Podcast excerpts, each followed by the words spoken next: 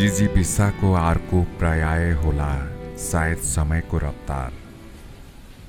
कहिले मिठो अनुभूति गराइदिन्छ त कहिले चिसो सिरेटोले झैँ मनै अमिल्याइदिने चुभन दिएर बहन्छ आफ्नै गति र रफ्तारले। क्रमागतले पनि कस्तो कस्तो खेल खेलाउँदो रहेछ। हिजो अस्ति मात्रै परिचयको दायरामा भेटेको थिएँ जेनिनलाई। हो जेनिन भाइलाई। उसका अबोध अनि मायालु सम्बोधनमा एक प्रकारको सुकुन मिल्थ्यो। हो सुखानुभूति महसुस हुने गर्थ्यो। सायद समयको तन्दुरमा बेसरी सेकिएको हुनुपर्छ। र त कहानी कुनै हुरीबेरीको कथाभन्दा कम छैन। उसका सम्प्रेषणहरू म अनि मेरा भावनाहरू सबै स्तब्ध छन्। अतीतका ती सारा सम्झनाहरू समयको भावसँगै बगेर जाँदैछन्। जति स्मरण गर्न खोज्छु उति नै पीडाले अङ्गालो मार्दो रहेछ। झन्। एउटा सानो बस्तीमा ठुलो सपना बोकी अघि बढ्दै गरेको गन्तव्यहीन पैदल यात्री म आफ्नो गन्तव्यमा पुग्न नसकी एउटा भौतारिएको बटुवा झैँ जीवनको यात्रामा अघि बढ्दैछु। आखिर जीवन भनेको नै सङ्घर्षले भरिएको एउटा यात्रा न हो। हिँड्दैछु। र मेरा पाइलाहरू सहयात्री बनी सँगै अघि बढिरहेका छन्। पाइला चाल्दा चाल्दै कहिलेकाहीँ काँडा अनि टुक्रेका सिसा बनी घोच्न आउँदा रहेछन् अतीतका ती अधुरा सपनाहरू।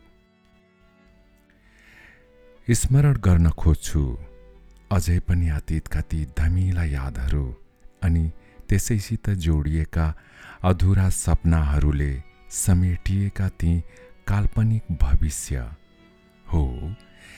त्यही भविष्य जसमा म र मेरा अनगिन्ती अधुरा सपनाहरू समेटिएका थिए। परिवारको जेठो छोरो। आमा बुवाको देहान्त पश्चात जन्मेको परिवेश र धरातलभन्दा टाढा भारतको उत्तर प्रदेशतिर हानिएको थिएँ। कमाइ र साथमा पढाइ चलिरहेथ्यो। परिवारमा केही अभावको वातावरण हुन दिइन। अनायासै प्रकृतिले ठुलो खेल खेल्यो। थियो सन् दुई हजार पन्ध्रको भूकम्पले। अझै पनि राम्रोसँग याद छ। दुई हजार पन्ध्रको त्यो भूकम्पले धेरैको सपनालाई बिथोल्न सफल भयो। मेरा जस्तै। मेरा सम्पूर्ण इच्छा अनि आकाङ्क्षा चाहनालाई त्यही भूकम्पसित दफन गरिदिए। हो तिलाञ्जली दिए। सम्भवत सबै मनोकाङ्क्षाका घाँटी निमोठिदिए र परिवारको उच्चतम भविष्यको खोजमा साबिकको धरातलबाट उकास्न हेतु अरबको खाडीमा पलायन भए।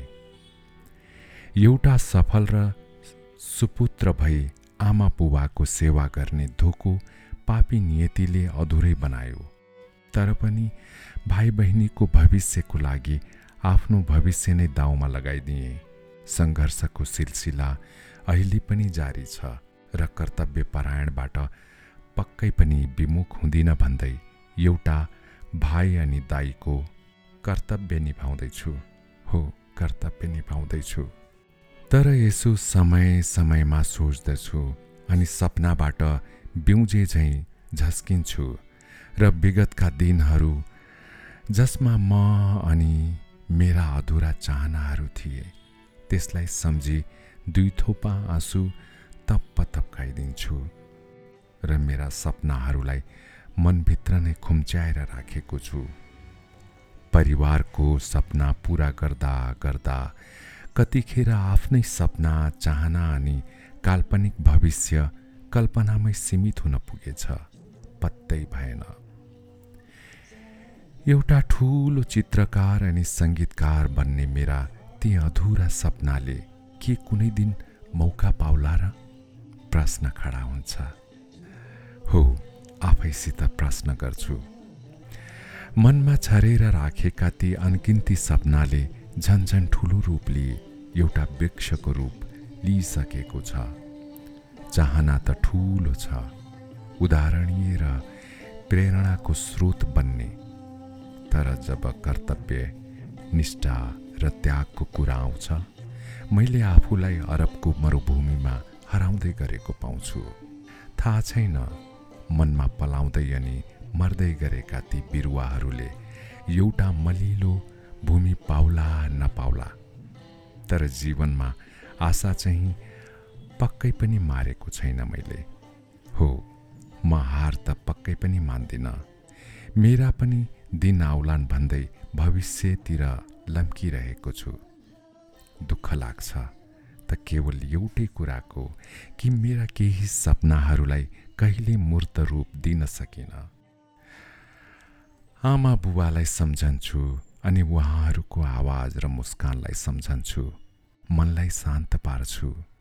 तर थाहा छैन यो खुसी पनि कहिलेसम्म हो। किनकि अब त ती पुराना यादहरू पनि मृग तृष्णा हुन थालेछ। चाहेर पनि याद गर्न सक्दिन। सम्झनाका ती पुराना तस्बिरमा पनि किरा लागे जस्तो। हराएको बालकले आमाको सहारा खोजे जस्तो। मेरो जीवन एउटा अधुरो रचना जस्तो। मेरो जीवन खै के कस्तो कस्तो बस। जीवनको यात्रामा पहिरो आई बाटो रोके जस्तो बाटो रोके जस्तो। यी कथाहरू थिए जेनिन भाइका जेनिन भाइले युएबाट मलाई सम्प्रेषण गर्नुभएको थियो। हो जेनिन भाइ जेनिन राणा मगर कस्तो लाग्यो यहाँहरूलाई? मलाई आशा एवं विश्वास छ यहाँहरूलाई अवश्य मन पर्यो होला हो यस्तै यहाँहरूका कथा व्यथा भावनाहरू छन् कविताहरू छन्। जे छन् कृपया लेखी पठाउनुहोला मेरो इमेल एड्रेस हो Chakra Thapa at Gmail dot com CHAKRA THAPA Chakra Thapa at Gmail dot com हस् धन्यवाद।